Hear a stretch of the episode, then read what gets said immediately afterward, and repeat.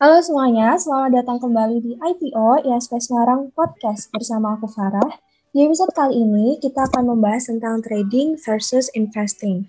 Trading dan investing, aku yakin istilah ini uh, udah nggak asing lagi buat teman-teman IPO semua. Tapi mungkin untuk sebagian orang yang baru mengenal dunia pasar modal belum tahu pasti nih perbedaan keduanya ini apa. Nah, makanya di episode kali ini kita akan membahas lebih rinci lagi mengenai perbedaan antara trading dan investing, mulai dari perbedaan istilahnya sampai nanti perbedaan pelakunya, yaitu trader dan investor. Oke, karena kita akan membahas dua hal, trading dan investing, tentunya kita butuh dua, eh, dua narasumber yang akan ngejelasin dari masing-masing sisi. Kali ini kita kedatangan dua anggota dari Capital Market ISP Semarang, yaitu Mas Teddy Suharyadi dan Mbak Maulida Ridani. Selamat datang Mas Teddy dan Mbak Maulida di IPO. Gimana nih kabarnya?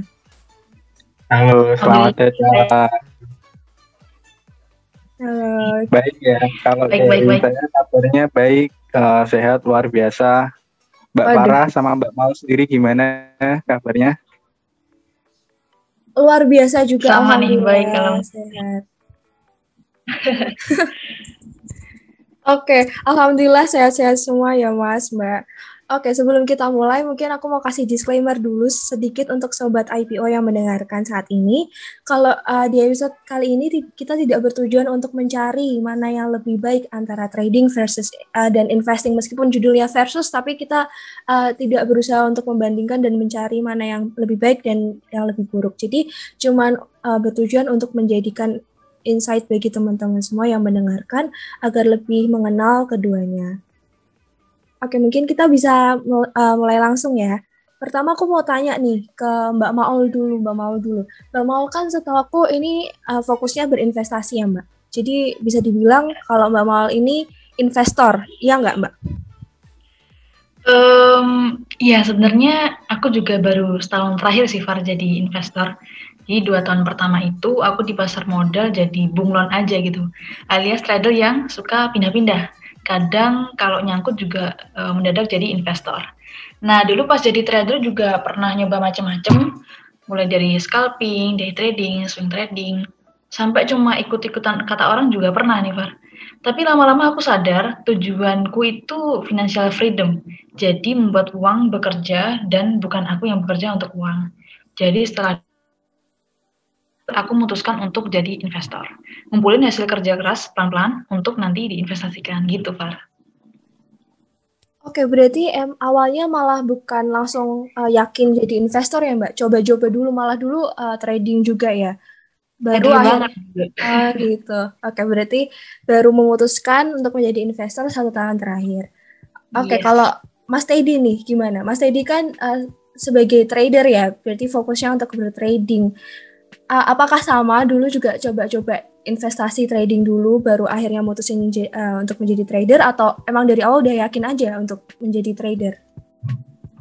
Oke, jadi uh, dulu tuh saya mulai tahun 2020 ya, uh, sekitar corona. Nah, nah di situ saya sambil mengisi waktu saya belajar tentang investasi. Pertama saya belajar tentang investasi, bagaimana mempelajari analisis fundamental, Kemudian lama-lama saya juga mempelajari analisis teknikal dan dari uh, belajar itu saya menyimpulkan bagaimana caranya saya itu cepat mendapat keuntungan. Nah, salah satunya dengan cara bertrading seperti itu. Mungkin uh, kalau dibilang sudah lama cukup baru saya newbie nih di sini mungkin uh, ya kurang lebih satu tahunan seperti itu Mbak Farah. Oke, jadi sama juga satu tahun, cuman kalau sekarang lebih fokusnya ke trading aja ya mas, bukan ke investing lagi, atau keduanya tetap jalan nih? Iya, jadi uh, saya punya dua dua portofolio ya, uh, untuk investasi dan untuk trading. Jadi uh, saya berpikir saya punya mindset bahwa jika kita mau cari modal itu di pasar modal kan. Caranya bagaimana ya dengan trading. Nah, dari cuan-cuan trading itu nanti saya investasikan ke pindah instrumen yang lebih aman seperti itu. Oke, menarik. Oke, oke.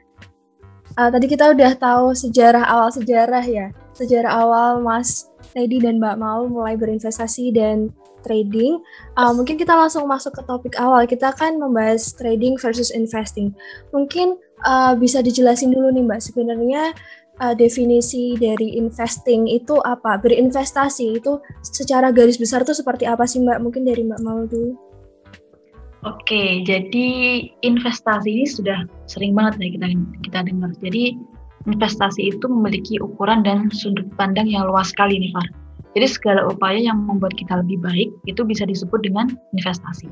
Contoh nih, Farah besok rela nih bangun pagi untuk olahraga misalnya. Itu juga bagian dari investasi kesehatan. Atau sobat IPO di sini rela belajar lebih keras untuk dapetin IP yang lebih baik. Itu juga investasi. Tapi kalau dikerucutkan di pasar modal dan instrumen investasi, itu akan muncul jack trading atau investasi dalam rangka mendapatkan keuntungan.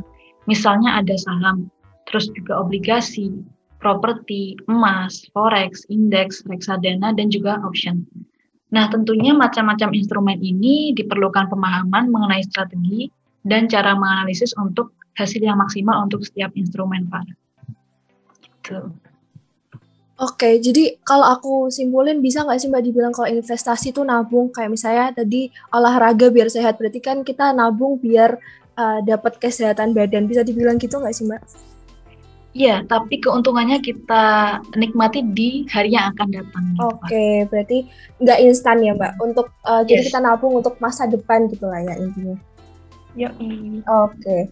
Nah tadi udah dari istilah investasi. Sekarang kalau definisi trading nih Mas uh, Mas Teddy. Sebenarnya kalau didefinisikan secara garis besar itu uh, trading itu apa sih sebenarnya? Baik, Mbak Farah. Uh, kalau dari segi bahasa, trading sendiri itu kan berasal dari bahasa Inggris ya, yaitu trade, yang artinya dagang. Dan orang yang melakukan perdagangan disebut trader atau pedagang. Jadi jika didefinisikan nih, didefinisikan trading itu memiliki arti sebagai kegiatan membeli dan menjual suatu barang atau jasa dengan memanfaatkan fluktuasi harga pasar setiap harinya. Nah, untungnya itu dari mana? Ya dari selisih harga saat membeli dan menjualnya. Nah, trading sendiri itu sebenarnya sangat luas ya. Kita di pasar di pasar real tuh, di pasar atau Mbak Farah punya bisnis bisnis online jual sepatu atau jual baju itu juga disebut trader mbak kamu kamu disebut trader dan uh, perdagangannya disebut trading nah tapi di sini kita akan membahas tentang trading di paper asset nah salah satunya ada trading saham forex binary emas bitcoin dan lain-lain seperti itu nah itu definisinya Oke, berarti jual beli untuk uh, mendapatkan keuntungan. Dan biasanya kalau setahu aku trading itu uh, bedanya sama investasi jangka waktunya nggak sih mas? Karena trading itu jual beli dan jangka waktunya cepat, uh, makanya keuntungannya juga cepat. Kalau investasi tadi kan uh, nabung buat uh, jangka waktu yang panjang, bener gitu nggak mas? Iya benar sekali para. Oke, berarti kita tadi udah uh, tahu nih definisi antara investasi dan trading uh, menurut dari definisi tadi sebenarnya kita udah bisa cukup menjelaskan ya perbedaan keduanya. Nah, uh, selain dari definisi, uh, kalian sendiri sebagai orang yang berinvestasi dan bertrading, pernah nggak sih uh, mengalami uh, mengalami apa ya? Pernah nggak sih melihat mitos-mitos yang beredar di masyarakat yang sekiranya perlu diluruskan nih biar sobat IPO sekarang nggak salah dan nggak kemakan sama mitos-mitos yang ada. Ya.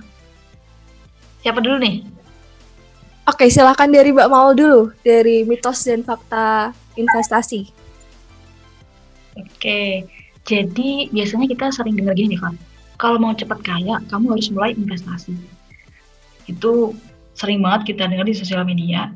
Tapi kalau kita lihat ada Warren Buffett dengan total kekayaan 60,8 miliar dolar atau investor kawakan Indonesia ada Pak Lo Keng Hong dengan total kekayaan 2,5 triliun dari pasar saham. Mereka adalah contoh nyata bahwa investasi di saham itu memang membuat kaya tapi bukan cepat kaya. Beda ya. Membuat kaya tapi bukan cepat kaya. Mereka mencapai kesuksesan itu dengan proses yang panjang dan konsisten bertahun-tahun. Ini harus dilurusin nih. Jadi kalau mau kaya, ya dari contoh Pak Warren Buffett dan Pak Lo Keng Hong yang sudah di pasar saham puluhan tahun, memang prosesnya adalah proses panjang dan konsisten pelan-pelan gitu. Oke, berarti di investasi nggak ada yang instan ya Mbak? Semuanya butuh waktu. Oke. Kita berteman dengan waktu. Ya, oke, berteman dengan waktu. Oke.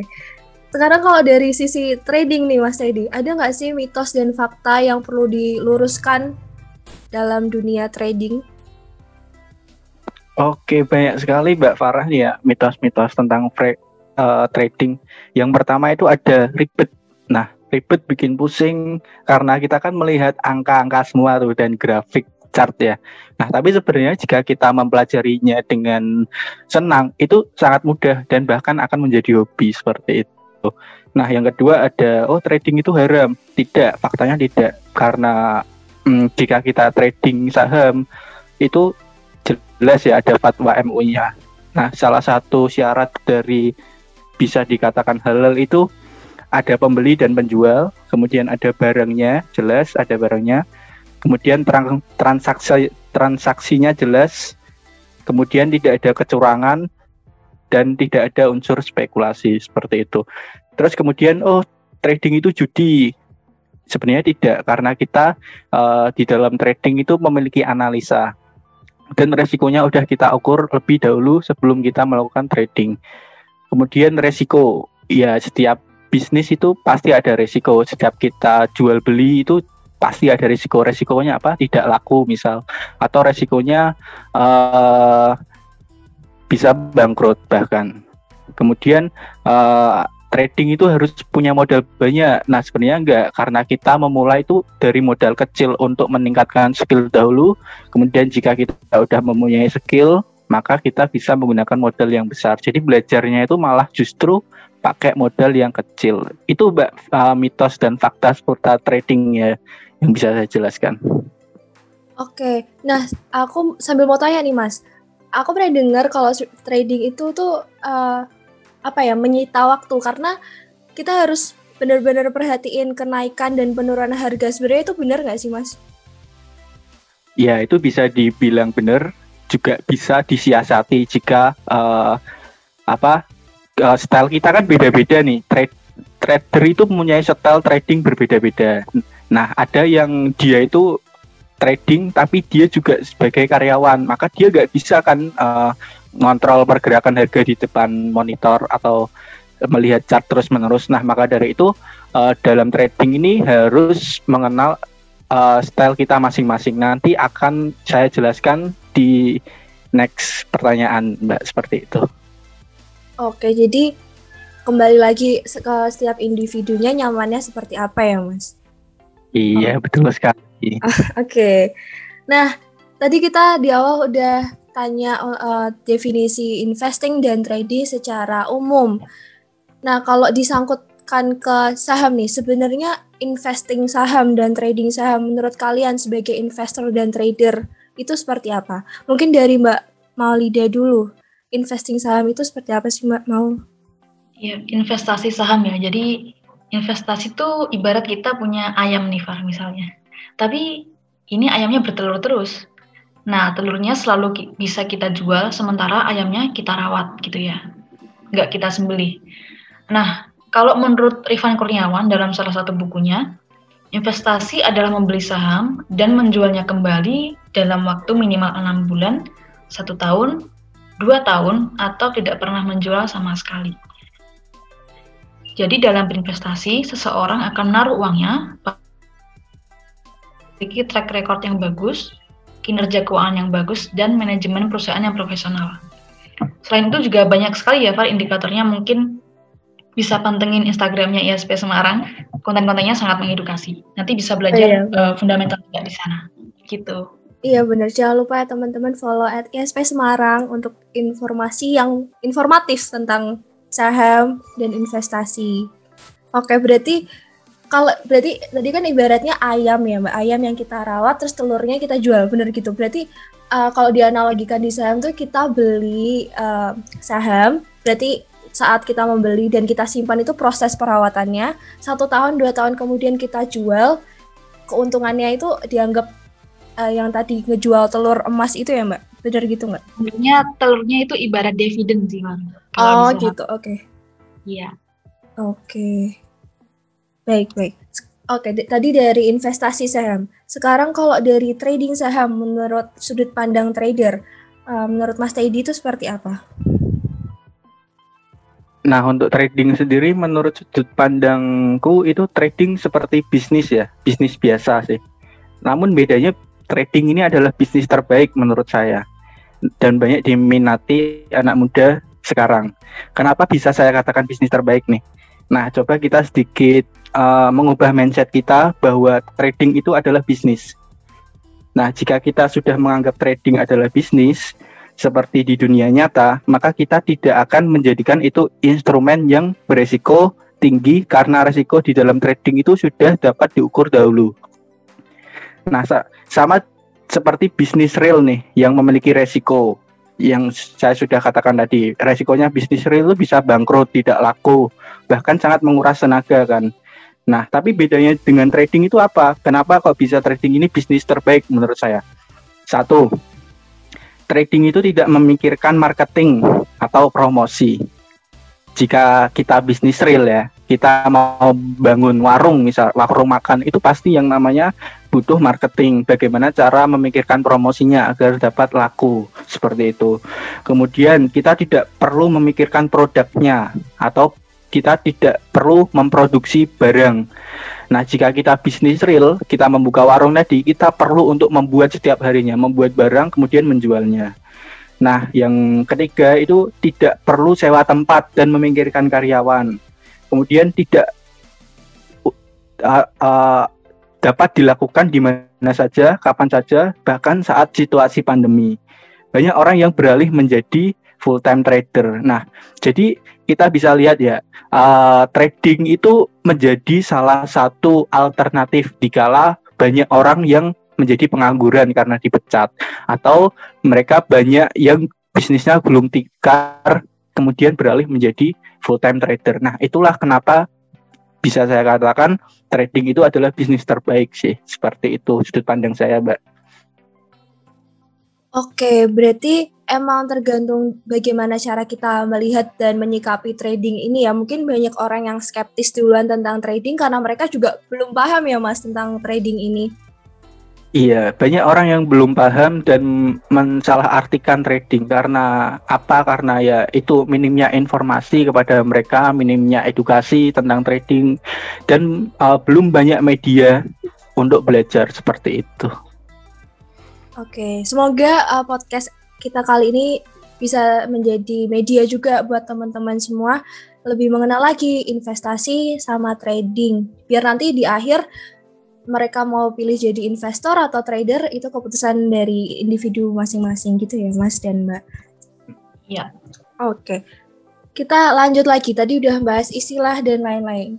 Uh, sekarang kalau dari segi pelakunya, kalau misalnya aku nih pengen jadi investor atau aku pengen jadi trader, kira-kira kemampuan apa dan sifat apa sih yang harus aku butuhkan untuk uh, menjadi investor dan trader?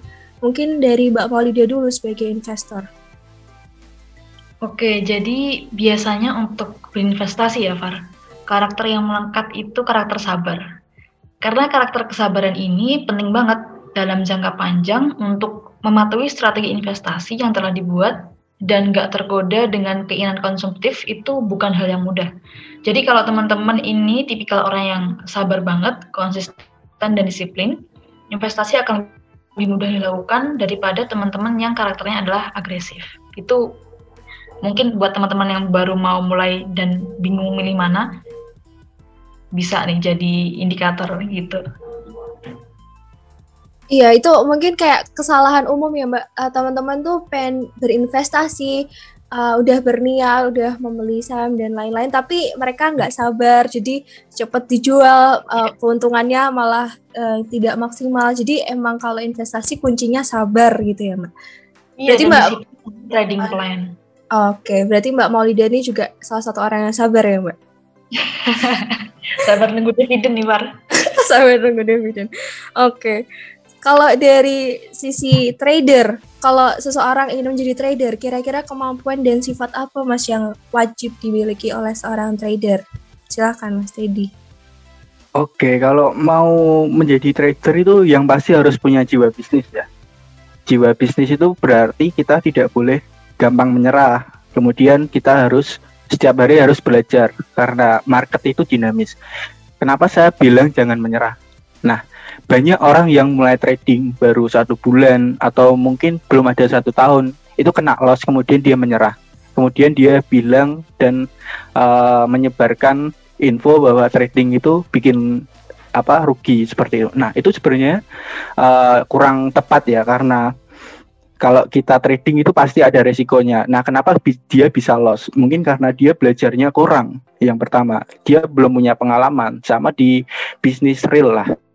Kita jika kita bisnis pertama kali mempunyai bisnis pertama kali itu kemungkinan besar akan tidak jadi atau tidak jalan atau rugi. Nah, baru kemudian jika kita sudah mengalami proses gagal, kemudian nanti kita suatu saat akan berhasil. Nah, itu uh, harus punya jiwa bisnis. Kemudian kita harus tahu profil resiko masing-masing nih untuk menentukan style trading kita. Seperti yang tadi dijelaskan Mbak Farah ya, ditanyakan, sorry. Nah, kita harus tahu nih tipe-tipe trader itu seperti apa? Apakah kita itu mempunyai waktu yang pertama? Jika kita tidak mempunyai waktu, maka kita harus trading dengan jangka waktu yang cukup lama, menengah atau uh, panjang seperti itu. Nah, kemudian kita harus tahu risk profile masing-masing ya. Jika kita tipe pengambil resiko, maka kita uh, bisa menjadi scalper dengan uh, jangka waktu yang sangat cepat. Kemudian jika kita uh, mempunyai waktu yang lebih, kita bisa mengambil tipe trading seperti swing atau position trading. Nah, swing ini bisa mingguan sampai bulanan. Sama seperti position trading itu jangka waktu bulanan sampai tahunan. Seperti itu, Mbak Farah. Ya, jadi, kalau saya simpulkan harus punya jiwa bisnis, jangan gampang menyerah, kemudian tahu resiko style masing-masing. Kemudian kita harus tahu kita punya waktu atau tidak seperti itu. Oke, jadi yang bisa aku tangkap dari in, tadi in, menjadi investor atau menjadi trader semuanya itu pasti ada resikonya ya mas dan mbak mau itu jangka panjang atau kalau trading jangka menengah semuanya pasti ada resikonya jadi uh, ya mau kalau kita mau berhasil ya tetap harus mencoba terus dan mau belajar. Seperti itu ya mas dan mbak.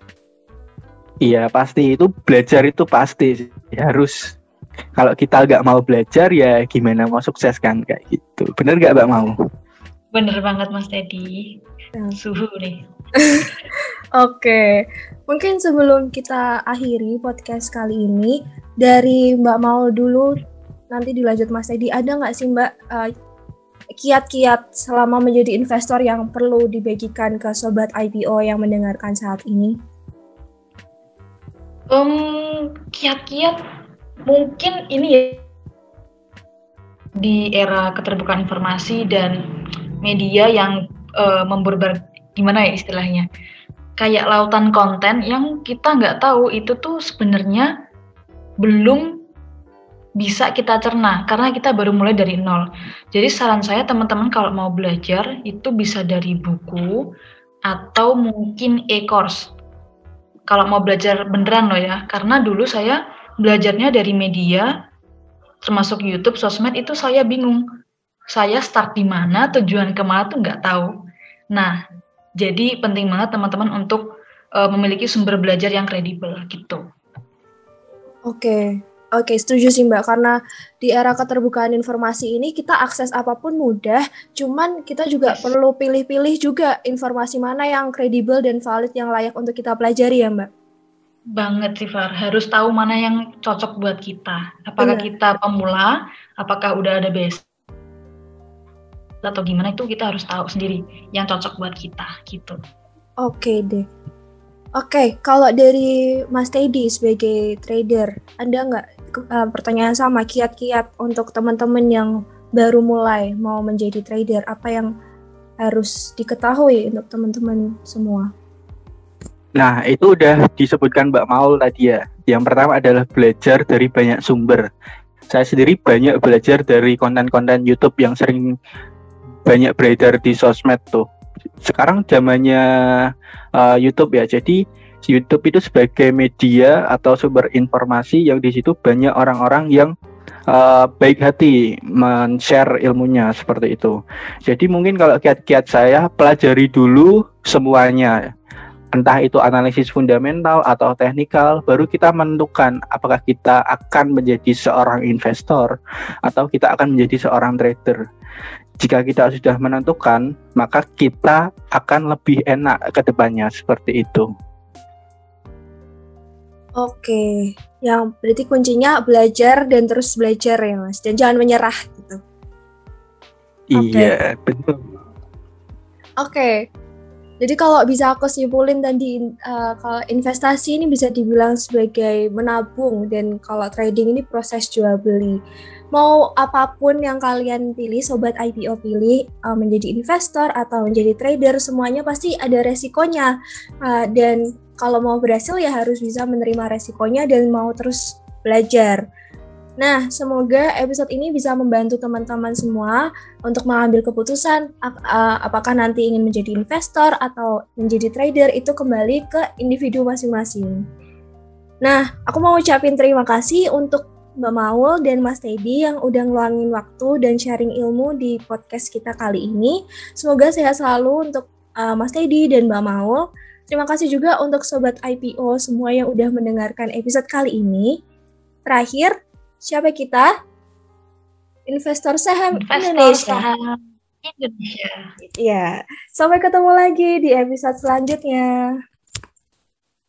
Dadah. Dadah. Terima kasih.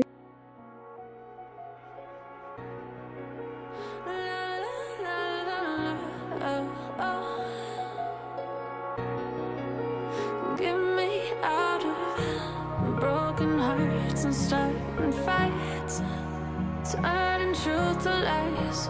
Gotta get up, stop wasting time. Yeah, I wanna run off and fly